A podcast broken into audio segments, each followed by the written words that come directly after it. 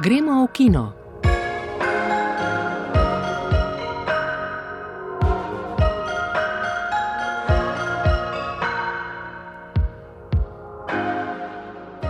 Lep pozdrav v filmski oddaji. Naša kritiška ekipa redno spremlja kinoprogram in ta teden se bomo razpisali o fantazijski pustolovščini Uncharted.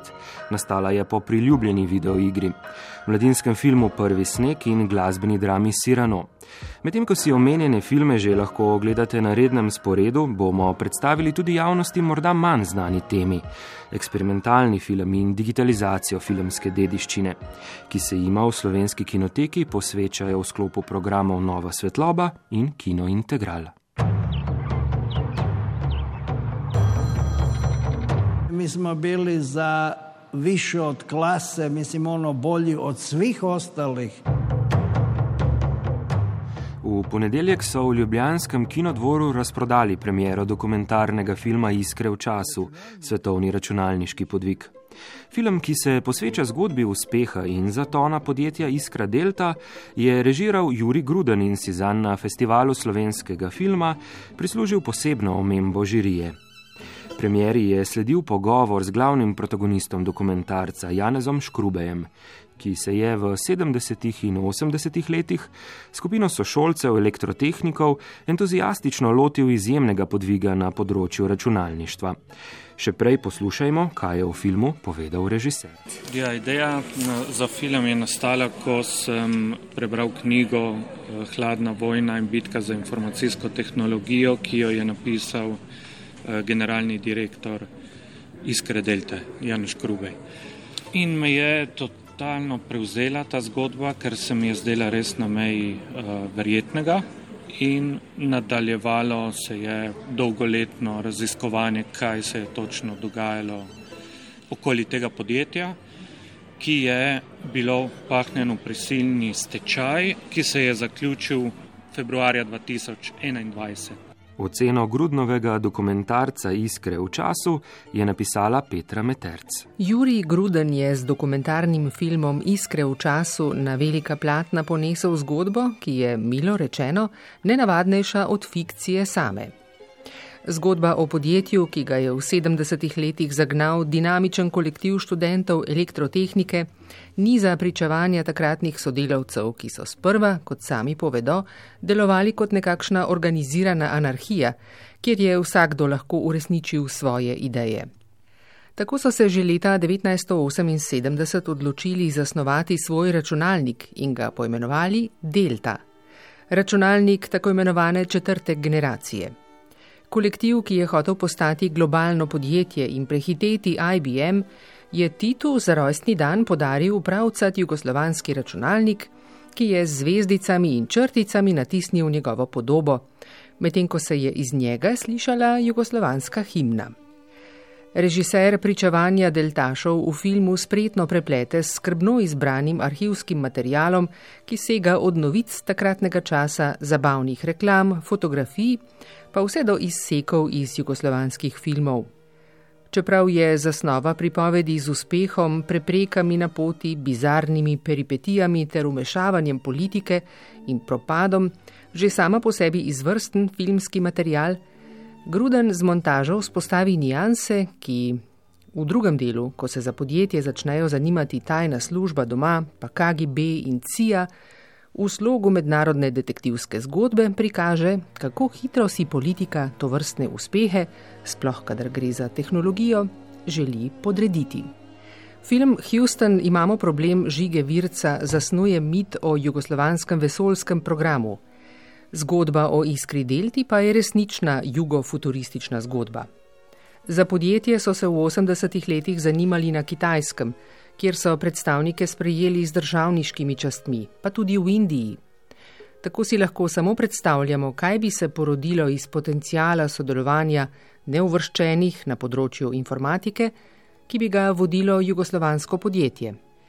O poslušanju pripovedi deltašov o tem, kako so se dolgočasili na izobraževanju v Silicijski dolini, pa o tem, kako je eden izmed najmodernejših računalnikov tistega časa s posebnim prilagodljivim dizajnom, imenovan Triglav, tisti, ki se v poletju v školki z imenom Vedi pogovarja z glavnim junakom, deloval tudi na 2800 metrih nadmorske višine, potem je jasno najmanj to, da bi, če v podjetje pred osamosvojitvijo, predvsem pa po njej, ne bi posegla roka politike, računalnike Iskra Delta imeli danes po vsem svetu. There are places out there you can't find on any map. They're not gone. They're just lost. Nadaljujemo s kritiškim vrednotenjem kinosporeda. Domišljijska postolovščina Uncharted je nastala po istoimenski franšizi videoiger, ki je izjemno priljubljena že od svojega zagona na igralnih konzolah pred približno 15 leti. Zato ne preseneča, da je tudi v naših kinodvoranah naletela na veliko zanimanja. Poleg filma Smrt na Nilu, ki smo ga ocenili v prejšnji oddaji, je Uncharted v kino v zadnjem tednu pritegnil največ gledalcev. Film v režiji Rubna Fleischerja s Tomom Hollandom in Markom Wolbergom v glavnih vlogah si je ogledal Moanis Sinanovič. Uncharted je med ljubitelji videoiger ena najbolj spoštovanih franšiz. Še dodatno veljavo pa uživa v pustolovskem žanru, kjer bi pravzaprav težko našli kakšen igričarski izdelek, ki bi jo lahko prekosil. Eksotiko in uganke, ki so se v filmski industriji nekoliko izčrpale, ter predrzne akcijske prizore, ki kršijo zakone fizike, je legendarni znamki uspelo oživiti preprosto tako, da je iz njih naredila interaktivni material z dobro mehaniko, ki igralcu omogoča tisto, česar mu filmsko platno nikoli ne bo. Namreč močan občutek udeleženosti, ne samo opazovanja. Zato je filmsko upodabljanje iger pravzaprav zelo tvegano in pogosto najbrž že nesmiselno početje. Izkaže se, da se tokratnemu izdelku ne uspe ogniti predvidljivim čerem. Vrnemo se k že znanim klišejem na ravni dialogov, k manjdimenzionalnim igralskim predstavam, preseči jih ne morejo niti velika imena, k ugankam, ki gledalce zaradi razvitosti računalniške zabave s težavo zadovoljijo, akcijskim prizorom in zapletom, zlivajočim se v spominsko krajino že videnega. Uncharted je predvidljiv film, ki bo gledalce s povprečno kilometrino težko zadovoljil, če teže igralce izvirnika. Vendar le pa ni vse povsem črno. Prezežek akcijskih prizorov se zgodi v prizoru, ko protagonista Nathan Drake in Viktor Sullivan z avtom in velikimi škatlami padata iz helikopterja. Gre za estetsko izoblikovan in sploh domišljen trenutek, ki mu vseeno uspe pognati nam nekaj krvi po telesu. Morda zveni cinično, tudi film se ne želi pretvarjati, da je kaj več od tega, kar je. In to je morda njegova največja prednost. Od samega začetka se predstavi v pravi luči in ne vzbudi visokih pričakovanj. To nam omogoča sprostitev v lovu na nekaj solidnih trenutkov. Lik tatu dobrega srca ima potencial, ki je nakazan, vendar se ne razvije. Podobno je z družinskimi odnosi med protagonisti, ki nas tu in tam lahko prebudijo iz čustvenega dremeža. Obrati v zgodbi in domislice, s katerimi je prepredena, vendarle niso povsem prazni in jim uspe doseči nekaj komičnega učinka. Konec nakaže nadaljevanje in možnost, da se z razvojem zgodbe filmski poskus franšize Uncharted ne bo povsem izčrpal že s prvim delom. Vse to ni dovolj, da bi ga lahko priporočili fenom, ki jih najbrž čaka razočaranje. Ogled bi lahko bil zanimivejši manj izkušenim gledalcem, predvsem mlajšim najstnikom, za katere se zdi, da so tudi glavno ciljno občinstvo tega projekta. Cyrano? Cyrano. Pleasure to meet you, Cyrano de Bergerac. You're a freak. Angliški režiser in scenarist Joe Wright, ki ima veliko izkušenj s filmskimi priredbami literarnih del, se je tokrat lotil slovite francoske drame Cyrano de Bergerac, ki jo je ob koncu 19. stoletja napisal Edmond Rostand.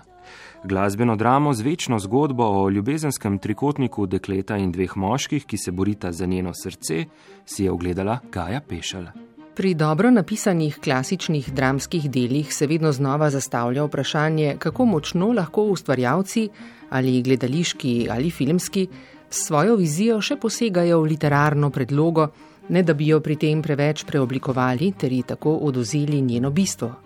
Pogosto in tudi številni spletni komentarji ob filmu Sirano bi se strinjali s tem, prevlada mnenje, da bi bilo ob svobodnejših posodobitvah nekega besedila smiselneje scenarij napisati povsem na novo, v novem dogajalnem času in prostoru, ter seveda tudi z novimi dramskimi junaki. A kaj, če so vse najlepše zgodbe že napisane, če parafraziramo znano slovensko pesem, in nam tako preostanejo le še njihove različne interpretacije? Morda pa nam prav tako nekoliko drugače predstavljene, že nič koliko krat prežvečene zgodbe lahko povedo nekaj povsem novega. Tako samo svoje se je drame Sirano lotil angliški režiser in scenarist Joe Wright. Dogajalnega časa ni spreminjal in je zato gledalcem pričaral pravo kostumsko poslastico. Zato si je prislužil tudi Oskarjevsko nominacijo, je pa besedilu v verzih dodal glasbo, Monologe je spremenil v songe, vlogo mladega Kristjana de Novileta zaupal temnopoltemu Kelvinu Harrisonu Jr., Siranoju pa je na mesto splošno znanega gromozansko velikega nosu pripisal družbeno še težje sprejemljivo nevšečnost pritlikavo rast. Pri tem je imel izredno srečno roko predvsem pri izbiri glavnega igralca, saj bi brez izjemne igralske stvaritve Petra Dinklidža film skoraj zagotovo utonil v podpovprečju melodramatičnih glasbenih dram, primernih za nedeljski popovdanski TV spored. A Dinklič, ki mu mnogi sicer očitajo nekoliko šipkejše pevske sposobnosti, da filmu vse, kar ta potrebuje in brez drsa spelje težek lok svojega lika, od začetne navidezno lahkotne samoironije do končne čiste tragičnosti, vredne Aristotelove opredelitve.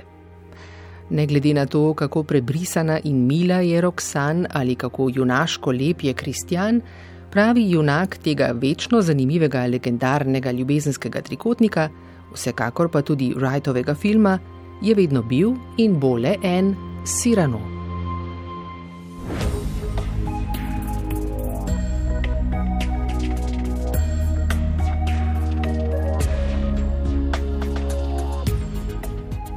V slovenski kinoteki so v torek v okviru programov Nova svetloba, ki je posvečen na novo restauriranim filmom in kinointegral, posvečen je eksperimentalnemu filmu, predstavili film iz serije Dislocirano tretje oko, Bismila v štirih stavkih, Sulejmana Ferenčaka iz leta 1984, del ustvarjalnega opusa skrivnostne produkcije OM, kot se sama imenuje in deluje od leta 1975.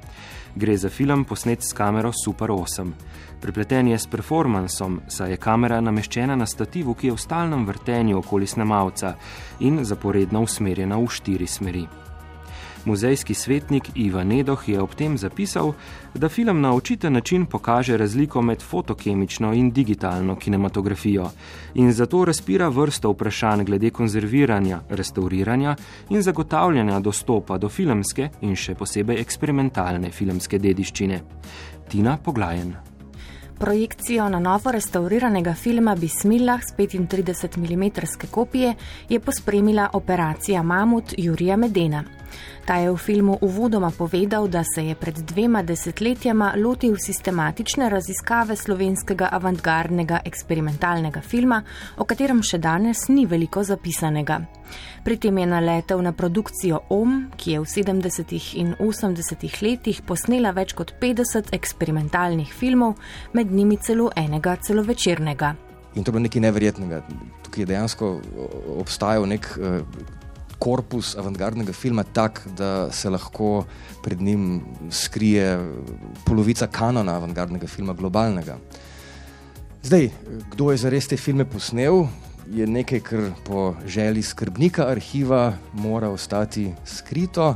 Morda je te filme posnelo 50 ljudi, eh, morda jih je posnel en sam človek, tega se ne vem, ampak ni bistveno. Um, jaz sem potem na vsak način hotel, da bi te filme nekako postali spet vidni. Pri slovenskem eksperimentalnem filmu gre za zgodovino praktično nevidnih avtorjev z občasnimi izjemami, denimo projekcijami filmov v slovenski kinoteki ali festivalih, ki se jim je nedavno pridružil VFX SCCA Ljubljana.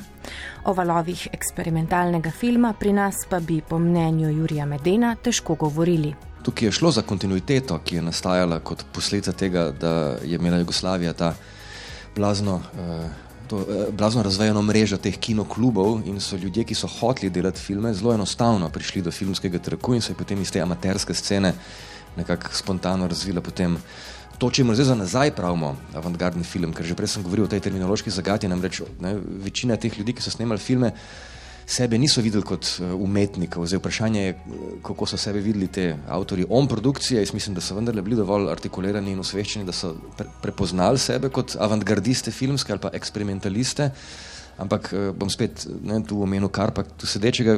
On so se pogovarjali zadnjič, rekel, mi smo snemali filme. Ne, to so bili preprosto filmi ki jim zdaj za nazaj lepimo to nalepko avantgardni film in jih na način tudi nekako ne, lažje umeščamo v neke kategorije uh, in restauriramo in prodajamo na vzven, uh, ker gre za neko koristno nalepko. Uh, je pa dejstvo, da so bili dolgo časa obravnavani kot amaterski, v bistvu potrovalo temu, da se dolgo časa ni premaknilo tukaj nič na področju sistematičnega hranjenja teh filmov, ne, ker nihče ni hranil amaterskih filmov.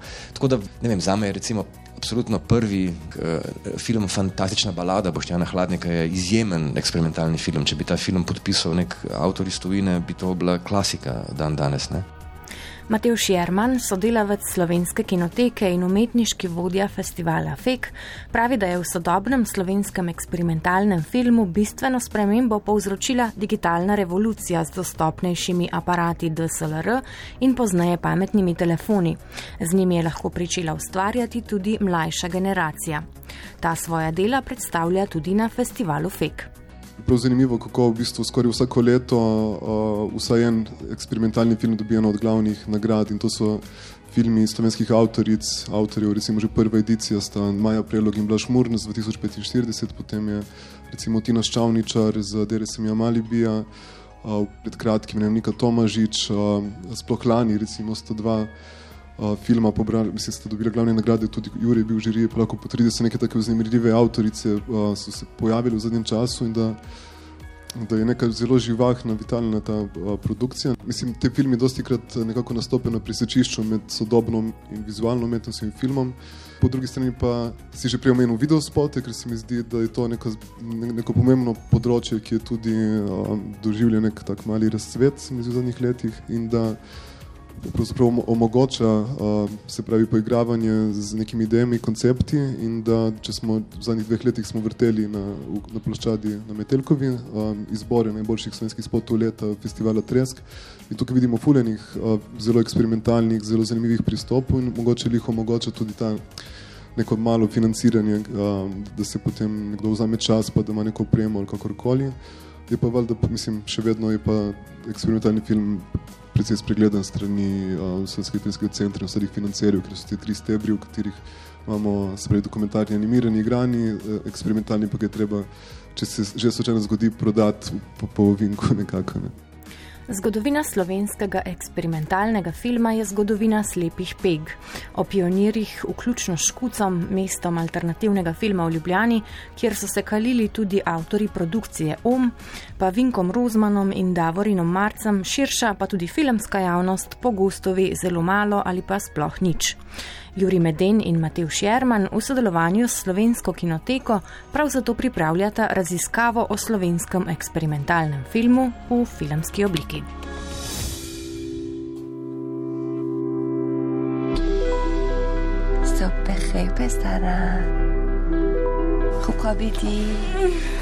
Vale.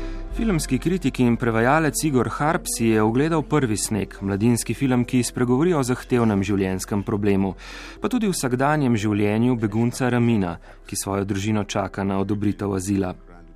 Pod film se podpisuje finsko-iranski režiser in scenarist Hami Ramezan in kot je v oceni zapisal Igor Harp, prav z osredotočanjem na lepe stvari v težkem življenju, poda morda celo ostrejšo kritiko azilnega postopka od kakšnega na prvi pogled očitno družbeno kritičnega filma. Finski film o iranski družini, ki se med čakanjem v azilnem postopku ustvarja novo življenje, je hkrati socialna drama, bildungsroman in mladinski film, ki prav z osredinjanjem na lepe stvari v življenju poda ostrejšo kritiko azilnega sistema, kot bi ga lahko recimo s socialnim realizmom. Finsko-iranski režiser Hami Ramezan ima za seboj begunsko izkušnjo, to pa gledalcu daje občutek pristnosti, tako pri prikazu soočanja s sistemom, še bolj pa pri doživljanju iskanja novega doma.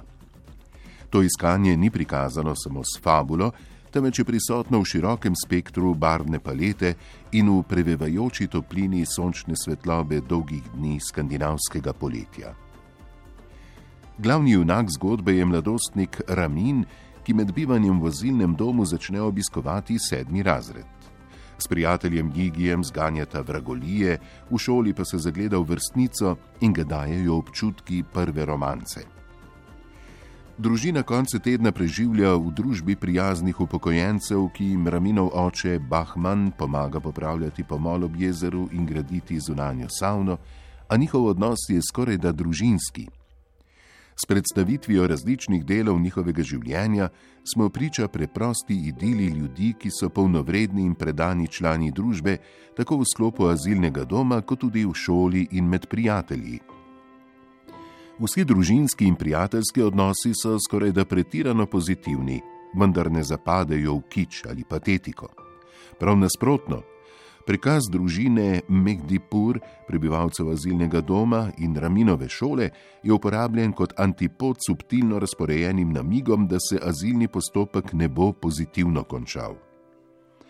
Družinski odnosi so polni ljubezni in razumevanja, od prijaznega pozdrava, s katerim jih imati prebuja, do neškodljivih potegavščin, ki se jih občasno privoščijo. Raminova očitna laž, ko staršem prevaja dopis o zavrnitvi dokumentacije v azilnem postopku, je tako še bolj izpostavljena, ko se skrije pred družino in zaradi stresa bruha. Priseljenci so pogosto avtorji patriotskih umetniških del in prav zanimivo je spremljati zgodovinski razvoj leteh. Romane o angliškem plemiču, ki pod vzdevkom škarlatni Pimpernel rešuje francoske plemiče izpod giljotine med revolucijo, je napisala mačarska imigrantka Ema Orci. Prvi film leta 1932 pa je produciral njen mačarsko-angliški rojak Aleksandr Korda. Še en primer. Konec stoletja je nemški emigrant Roland Emmerich posnel največja presežka ameriškega domoljubja, zgodovinsko dramo Patriot in znanstveno-fantastični spektakel Dan neodvisnosti. Ramezan se v prvem snegu odloči za podoben pristop. Tudi tukaj nam razgali sistem poln napak, a hkrati spoznamo ljudi, ki se ga trudijo spreminjati na bolje.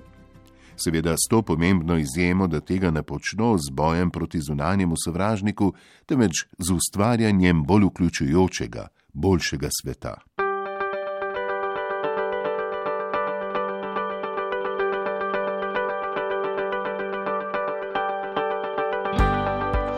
Konec prejšnjega tedna se je s podelitvijo nagrad končal 16. festival gorniškega filma. Med nagrajenci je film Stena v spondo zlata o četverici najboljših plezalk na svetu, skupaj z Janjo Garmbret. Film bomo ocenili prihodnji teden. Med nagrajenci so filmi Dovlagiri je moj Everest, Snežni leopardi in prijatelji ter Link Sar. Nagrado RTV Slovenija je prejel švicarski raj, glavno nagrado mesta Domžale pa ameriški film po Antarktiki režiserke Teše Venzent. Kot je zapisala žirija, je po Antarktiki film o izjemnem dosežku prvem prečenju Antarktike spasja v prego in neverjetni zgodbi polarnega raziskovalca Vila Stegerja. Teša Venzent pa je pri tem združila čudovite arhivske posnetke z konca prejšnjega stoletja z gradivom z protagonistovega zadnjega popotovanja, je Tini Poglajen povedala režiserka Teša Venzent. Will je bil moj junak in lokalna legenda v Minnesoti, kjer sem odraščala. Poslušala sem o njegovih odpravah in neverjetnih potovanjih, prebirala sem revijo National Geographic, ki je o tem poročala, in trgala ven fotografije. Prevzelo me je, kako je svoje odprave izkoriščal za izhodišča za družbene spremembe, kako je pokazal, da so tudi oddaljeni kraji povezani s spremembami, ki se dogajajo pri nas doma. Režiserka zmagovalnega filma po Antarktiki je še dodala, da na spremembe v življenju ne moremo vedno vplivati, lahko pa vplivamo na svoj odziv na nje, na to, kako preživljamo čas in s čim se ukvarjamo. In prav o tem je najbrž razmišljal Sean Penn, ki je te dni, kot je poročala slovenska tiskovna agencija, odpotoval v Ukrajino, kjer snema dokumentarni film o ruski invaziji. Dvakratni dobitnik Oskarja se je v Kijevu, ki so ga Rusi že bombardirali, sestal z ukrajinskim predsednikom in bo tako skušal izkoristiti pregovorno ameriško mehko moč.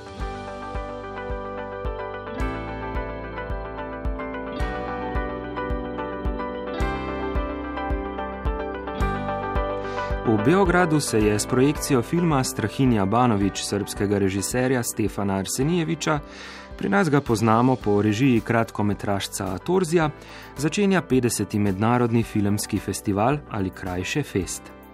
V Beogradu se bosta predstavila dva slovenska filma. V glavni tekmovalni program se je uvrstil prvenec režiserke Tijane Zinajič z naslovom Presica, slabšalni izraz za žensko, ki bo slovensko premiero doživel 18. marca skupaj s koncertom v Kinu Šiška. V programu Fest Focus si bodo v Beogradu ogledali še novi celovečerec orkester v režiji Mateuža Luzarja.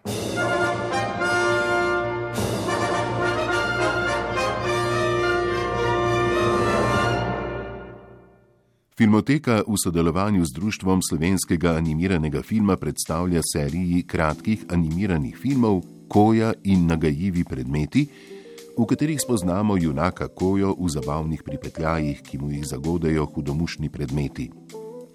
Da mu stvari ne uidejo iz rok, mora Koja vedno znova najti ustvarjalno rešitev. Koja skupaj s prijateljem Krokarjem stanuje na gorski polici visoko nad oblaki in je eden bolj nenavadnih animiranih junakov. S tem bi se gotovo strinjali severnoameriški staroseljci Arizone, ki nenavadnemu, v zdaj že skoraj pozabljenem jeziku Hopi, pravijo koja. Avtor Kolja Saksida se je tako navdušil nad tem imenom, da se je odločil življenje posvetiti koji in njegovim nenavadnim dogodivščinam. Najnovejše med njimi v filmoteki predstavljamo v dveh sedemdelnih serijah. Tako prvo kot drugo serijo približno triminutnih filmov zaokrožuje kratki dokumentarni film Živijo koja, v katerem pokukamo v zakulisje nastajanja animiranih filmov.